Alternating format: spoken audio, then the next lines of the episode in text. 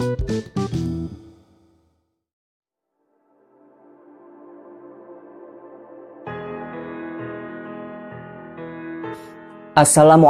warahmatullahi wabarakatuh. Bismillahirrahmanirrahim. Para pelajar kelas 10, kali ini kita akan memasuki pembahasan bab 2 dalam pembelajaran Pendidikan Agama Islam dan Budi Pekerti dengan tema Berbusana Muslim dan Muslimah, Cerminan Kepribadian dan Keindahan. Kali ini kita akan mengkaji lebih dalam mengenai ketentuan berpakaian sesuai dengan syariat Islam. Dan dalam pembahasannya, akan dikaji mengenai aurat beserta batasan-batasan aurat serta ketentuannya. Sehingga kita mampu memahami makna berbusana muslim dan muslimah serta membiasakan diri berbusana sesuai dengan syariat Islam. Sebagai seorang muslim, kita meyakini bahwa Islam merupakan agama yang memuliakan manusia. Hal tersebut tercermin dalam seluruh ajaran-ajarannya, di antaranya adalah perintah menutup aurat yang disebutkan oleh Allah Subhanahu wa taala sebagai tindakan menghias diri. Sebagaimana firman-Nya dalam Quran surat Al-A'raf ayat 31. Wahai anak cucu Adam, pakailah perhiasan kalian pada setiap memasuki masjid. Yang dimaksud dengan perhiasan dalam ayat ini adalah pakaian yang menutupi aurat, sebagaimana dikatakan oleh Ibnu Abbas radhiyallahu anhu. Pakaian merupakan penghias bagi manusia, ia juga merupakan tanda kemajuan sebuah peradaban serta lambang kesopanan.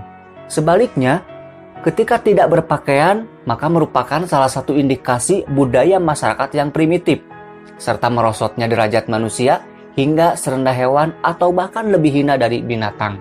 Oleh karena itu, setan selalu menggoda manusia agar manusia menanggalkan pakaiannya dan tidak menutup auratnya Sementara Allah Subhanahu wa taala mengingatkan agar manusia tidak tertipu dengan godaan setan. Sebagaimana firman-Nya dalam Quran surat Al-A'raf ayat 27.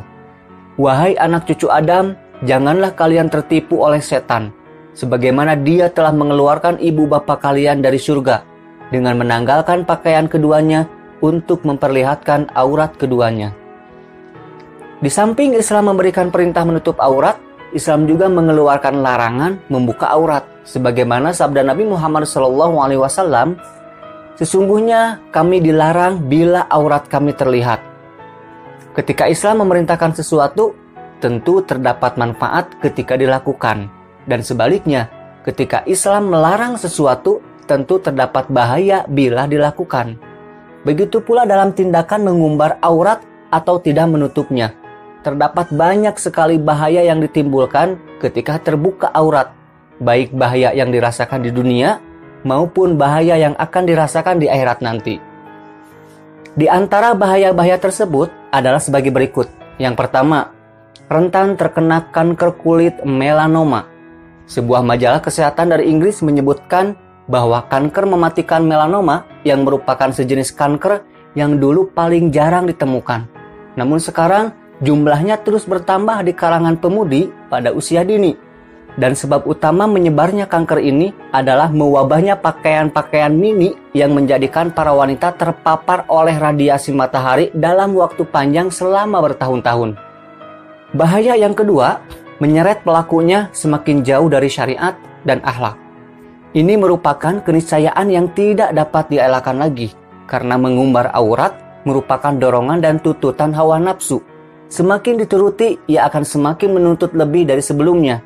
Berawal dari suka memamerkan wajah, lalu rambut, lalu leher, lalu pundak, dan seterusnya. Hingga akhirnya, orang tersebut akan menanggalkan syariat dan akhlaknya, bersamaan dengan ditanggalkannya pakaiannya. Bahaya yang ketiga, hilangnya rasa malu. Setiap orang yang mengumbar aurat, awalnya pasti dia merasa malu secara fitriah. Namun, karena dorongan nafsu yang lebih kuat, ia abaikan rasa malu tersebut, lalu lambat laun rasa malu itu akan melemah dan terus melemah.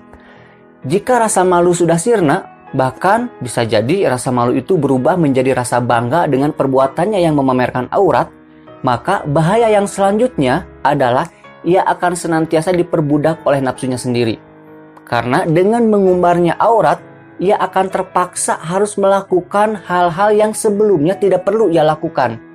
seperti memberikan perlindungan ekstra untuk kulitnya dari sengatan sinar UV matahari, memberikan perawatan khusus agar kulitnya terlihat putih bercahaya, mengikuti mode gaya barat mulai dari rambut hingga bawah kakinya, dan melakukan segala usaha agar ia dikatakan menarik dan mempesona. Ini semua di samping merugikan dari sisi finansial, juga mendatangkan banyak bahaya dan dosa. Ironisnya, mereka enggan untuk menjadi hamba Allah Padahal Allah Subhanahu wa taala telah memberikan kenikmatan yang sangat banyak kepadanya. Namun, mereka malah bersusah payah menjadikan dirinya sebagai budak setan dan hawa nafsunya. Inilah sebabnya mengapa wanita yang mengumar auratnya terkesan murahan dan rendahan.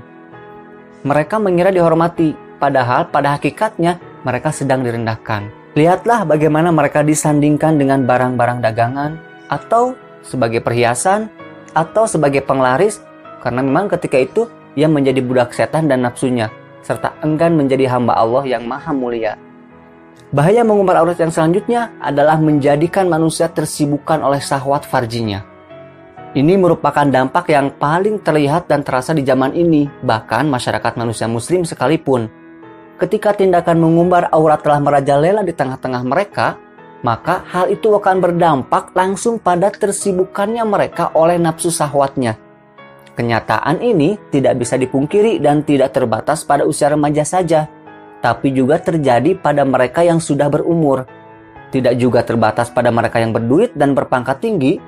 Beberapa kali kita mendengar berita seorang bapak miskin menggauli putrinya, atau kakek melarat menggauli cucunya, atau seorang suami membunuh selingkuhannya. Sungguh ini merupakan kemerosotan akhlak dan moral yang luar biasa Kemerosotan moral ini juga akan berpengaruh buruk pada keamanan masyarakat. Coba kita bayangkan, apa yang akan terjadi bila pihak keluarga korban akhirnya main hakim sendiri. Bayangkan pula bagaimana kekhawatiran masyarakat terhadap kehormatan putri-putrinya. Bukankah ini akan merenggut rasa aman dari hati para orang tua? Bahaya yang selanjutnya adalah turunnya mutu pendidikan sekarang ini. Di banyak daerah dalam negeri kita tercinta ini, pemuda-pemudi merasa malu dan rendah diri bila belum atau tidak memiliki pacar. Yang mereka pikirkan setiap hari, bagaimana menarik perhatian lawan jenisnya, bagaimana menyenangkan pasangannya, bagaimana agar hubungan haram itu tetap selalu teguh dan seterusnya, begitulah setan menjadikan mereka tertawan oleh nafsu syahwatnya, sehingga mereka rela mengorbankan apa pun yang dimilikinya, bahkan meski harus mengorbankan kehormatannya sendiri. Sungguh keadaan ini sangat mempengaruhi mutu pendidikan pemuda-pemudi tersebut yang seharusnya mereka mengerahkan pikirannya untuk fokus pada pelajaran sekolah, malah mereka arahkan kepada sesuatu yang keji dan hina. Bahaya mengumbar aurat yang selanjutnya ketika dikaji melalui Quran dan Sunnah, yang pertama, para pengumbar aurat akan mendapatkan azab yang pedih di dunia dan di akhirat. Karena mereka menjadi sebab utama tersebarnya perbuatan keji zina Allah Subhanahu wa taala berfirman di dalam Quran surat An-Nur ayat 19. Sesungguhnya orang-orang yang menginginkan tersebarnya perbuatan keji di kalangan orang-orang yang beriman bagi mereka azab yang pedih di dunia dan di akhirat. Yang kedua, para pengumbar aurat tidak akan masuk surga, bahkan tidak akan mencium wanginya surga. Sebagaimana sabda Nabi Muhammad SAW ada dua golongan penduduk neraka yang keduanya belum pernah aku lihat. Yang pertama, kaum yang memiliki cambuk-cambuk seperti ekor sapi yang digunakan untuk memukuli orang-orang. Dan yang kedua, para wanita yang berpakaian tetapi telanjang. Mereka menggoda dan jalannya berlengak-lengok, kepala-kepala mereka seperti punuk unta yang miring. Para wanita itu tidak akan masuk surga, bahkan tidak mencium wanginya surga, padahal wanginya bisa tercium dari jarak perjalanan sejauh ini dan sejauh itu. Bahaya yang ketiga, mengumbar aurat merupakan tindakan pamer maksiat. Padahal Nabi Muhammad SAW telah bersabda, seluruh umatku diampuni dosanya, kecuali mereka yang pamer dalam melakukannya. Dan bila maksiat itu tidak diingkari, ia akan mendatangkan azab bagi seluruh masyarakatnya. Karena Nabi Muhammad SAW bersabda, Sungguh, bila manusia melihat kemungkaran tapi mereka tidak berusaha mengubahnya, maka Allah akan menurunkan hukuman bagi mereka semuanya. Sungguh banyak bahaya yang ditimbulkan oleh maksiat mengumbar aurat ini. harusnya menjadikan kita semakin waspada dalam menjaga aurat kita dan sepatutnya hal ini memotivasi kita untuk semangat dalam mengingatkan orang lain agar tidak terjerumus dalam perbuatan nista tersebut atau agar tidak mengulanginya. Jika mereka menerima, maka itulah yang kita harapkan. Namun, jika nasihat kita tidak didengar, maka paling tidak kewajiban nahi munkar kita telah gugur. Sehingga kita akan selamat dari azab Allah dan kita akan mendapatkan pahala dari Allah Subhanahu wa taala. Para pelajar sekalian, selanjutnya kita akan membahas mengenai makna aurat itu sendiri. Aurat menurut bahasa artinya malu, aib, dan buruk. Menurut istilah dalam hukum Islam, aurat adalah batas minimal dari bagian tubuh yang wajib ditutupi karena perintah Allah Subhanahu wa taala. Adapun batas aurat bagi laki-laki, mayoritas ulama dari kalangan empat mazhab berpendapat bahwa batasan aurat bagi laki-laki adalah antara pusar dan lutut. Hal ini berdasarkan keterangan dari baginda Nabi Muhammad SAW. Beliau bersabda, "Apa yang ada di bawah pusar sampai lutut itu adalah aurat." hadis riwayat Ahmad dan ada Rukutni. Batasan aurat bagi wanita Menurut hadis yang diriwayatkan oleh Ibnu Mas'ud bahwa Nabi Muhammad SAW bersabda, wanita adalah aurat. Manakala ia keluar rumah, maka setan akan menyambutnya atau membuatnya indah dalam pandangan laki-laki. Hadis riwayat At-Tirmidzi, Ibnu Husaimah, dan At-Tabrani.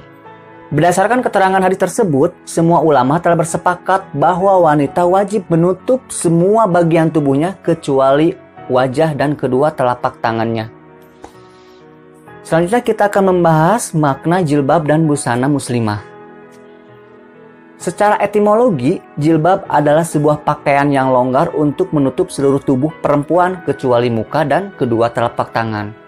Dalam bahasa Arab, jilbab dikenal dengan istilah khimar dan dalam bahasa Inggris, jilbab dikenal dengan istilah veil. Selain kata jilbab, untuk menutup aurat perempuan dikenal pula istilah kerudung, hijab, dan sebagainya. Pakaian adalah barang yang dipakai seperti baju, celana, dan sebagainya. Dan dalam bahasa Indonesia, pakaian juga disebut busana. Jadi, busana muslimah artinya pakaian yang dipakai oleh perempuan-perempuan yang beragama Islam. Berdasarkan makna tersebut, Busana muslimah dapat diartikan sebagai pakaian wanita Islam yang dapat menutup aurat yang diwajibkan agama untuk menutupinya. Gunanya untuk kemaslahatan dan kebaikan bagi wanita itu sendiri serta masyarakat di mana pun ia berada. Perintah menutup aurat sesungguhnya adalah perintah Allah Subhanahu wa Ta'ala yang dilakukan secara bertahap. Perintah menutup aurat bagi kaum perempuan pertama kali diperintahkan kepada istri-istri Nabi Muhammad SAW agar tidak berbuat seperti kebanyakan perempuan pada waktu itu. Maka Allah Subhanahu wa taala memerintahkan mereka untuk menutup aurat apabila hendak keluar rumah. Sebagaimana Quran surat Al-Ahzab ayat 59, Hai Nabi, katakanlah kepada istri-istrimu, anak-anak perempuanmu dan istri-istri orang mukmin, hendaklah mereka mengulurkan jilbabnya ke seluruh tubuh mereka. Yang demikian itu supaya mereka lebih mudah untuk dikenal, karena itu mereka tidak diganggu dan Allah Maha Pengampun lagi Maha Penyayang. Dalam ayat ini Allah Subhanahu wa taala memerintahkan untuk memakai jilbab bukan hanya kepada istri-istri Nabi Muhammad SAW dan anak-anak perempuannya, tetapi juga kepada istri-istri orang-orang yang beriman. Dengan demikian, menutup aurat atau berbusana muslimah adalah wajib hukumnya bagi seluruh wanita yang beriman. Sebagaimana firman Allah dalam Quran surat An-Nur ayat 31. Katakanlah kepada wanita yang beriman, hendaklah mereka menahan pandangan dan kemaluannya, dan janganlah mereka menampakkan perhiasannya kecuali yang biasa nampak darinya. Dan hendaklah mereka menutupkan kain kerudung ke dadanya, dan janganlah menampakkan perhiasannya kecuali kepada suami mereka, atau ayah mereka, atau ayah suami mereka, atau putra-putra mereka, atau putra-putra suami mereka, atau saudara-saudara laki-laki mereka, atau putra-putra saudara laki-laki mereka atau putra-putra saudara perempuan mereka atau wanita-wanita Islam atau budak-budak yang mereka miliki atau pelayan-pelayan laki-laki yang tidak mempunyai keinginan terhadap wanita atau anak-anak yang belum mengerti tentang aurat wanita. Dan janganlah mereka menghentakkan kakinya agar diketahui perhiasan yang mereka sembunyikan. Dan bertobatlah kamu sekalian kepada Allah, hai orang-orang beriman, supaya kamu beruntung. Baiklah para pelajar sekalian, langkah selanjutnya kita akan memasuki kuis sebagai latihan soal untuk menguji sejauh mana pemahaman kalian mengenai materi yang sudah disajikan. Yang pertama, Islam memberikan perintah menutup aurat dan melarang membuka aurat karena dengan terbuka aurat terdapat banyak sekali bahaya yang ditimbulkan. Di antara bahaya membuka aurat adalah A. Tidak akan masuk kubur B. Tidak akan masuk surga C tidak akan masuk Islam, D. Tidak akan masuk neraka. Jawaban yang benar adalah B. Tidak akan masuk surga. Masuk ke pertanyaan yang kedua. Batasan aurat perempuan adalah A.